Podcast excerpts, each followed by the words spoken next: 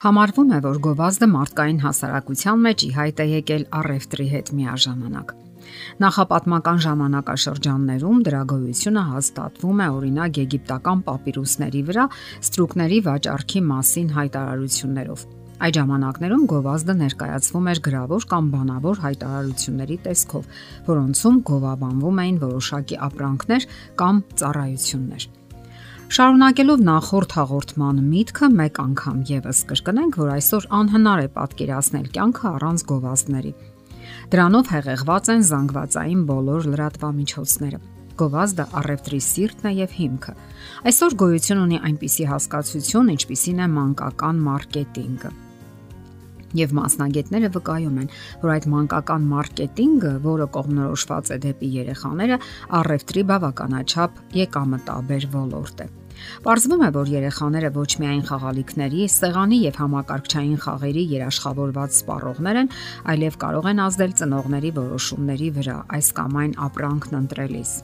Եվ ամենագլխավորը, նրանք մեծանում են եւ կա հնարավորություն դեռ մանկական հասակից նրանց սրտերում ցանելու ապագա սպառողին անհրաժեշտ որակները, ձևավորելու նրանց ճաշակը, ինչից եւ հաջողությամբ օգտվում են մարքետոլոգները։ Եվ այսպես, ինչ ազդեցություն եւ հետևանքներ է թողնում գովազդը երեխաների վրա։ Առաջինը եւ ամենագլխավորը դժվար չէ հասկանալ՝ մայրիկ, հայրիկ, գնիր։ Ծնողներն այս դեպքում հայտնվում են երկու կրակի արանքում։ Հայտնի է, որ գովազդը մեծ հետաքրքրություն է առաջացնում ոչ այնքան կարևոր, ավելորդ թանկ իրերի նկատմամբ, որոնք երբեմն նույնիսկ վտանգավոր են երեխաների համար եւ հետեւաբար դրանք գնելու ոչ մի անհրաժեշտություն չկա։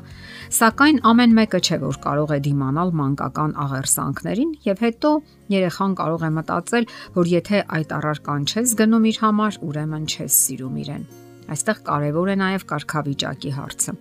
Որոշակի տարիքում երեխան արդեն գիտակցում է առարկայի արժեքը եւ դրանով որոշում իր սոցիալական կարգավիճակը։ Սոցիալական այդ խմբերի մեջ մտնում են մանկապարտեզը, դասարանը, բակը եւ այլն։ Ահա այստեղ է աշխատում գովազդը, մարդու եւ նույնիսկ փոքր երեխայի մեջ ներարկելով այն պատկերացումը, որ եթե դու ճունես այս կամ այն առարկան, ուրեմն անհաջողակ ես, ցածր կարգավիճակ ունես։ Եվ ինչ որ իրես ճանաչող երեխայի մոտ ձևավորվում է անլիարժեքության բարթույթ։ Դե սա արդեն հասարակության մեջ գոյություն ունեցող նյութիզմի աշտամունքն է։ Այսպիսով գովազդը ազդում է երեխայի ինքնագնահատականի վրա Եվս մեկ բացասական ազդեցություն։ Գովազդը երեխայի մեջ ձևավորում է կայուն կարծրատիպեր։ Մեր հասարակությունը առանց այն էլ խրախուսում է ամեն տեսակի կարծրատիպերը, իսկ գովազդն ընդհանրապես բացարձականացնում է դրանք։ Գովազդի գլխավոր կարծրատիպը հիմնախնդրի թեթև լուծումն է։ Գովազդում ամեն ինչ տեղի է ունենում հեքիաթի սցենարով եւ արագությամբ։ Ուշադրություն դարձնենք, որ գովազդային շատ հնարքներ հենց փոխառված են ժողովրդական ստեղծագործություններից։ Օրինակ, հայտնվում է ոմն հրաշագործ կամ կախարդ օկնական,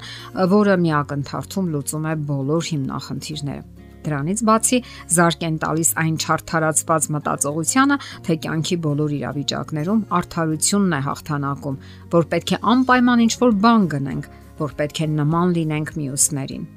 Մարդու ազատ մտածողությունը այս բոլորից բնականաբար տուժում է եւ պարփակվում ստանդարտ հակազդեցությունների շրջանակում։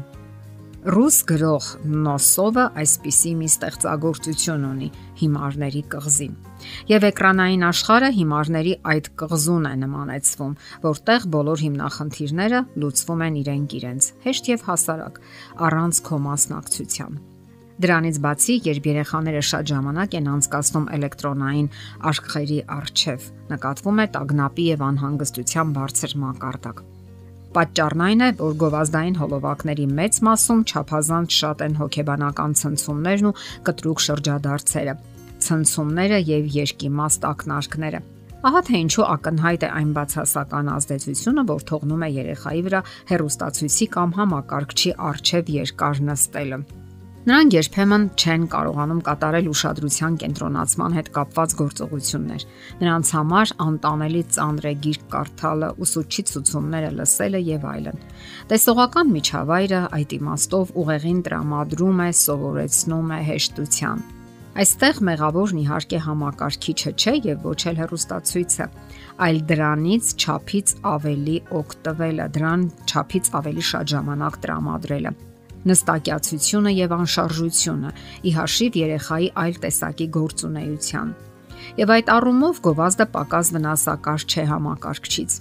Երեխան սխալ սրունդը ձեռքին անշարժ նստում է էկրանի առաջ դառնալով դրա գերին եւ ճարպակալում է։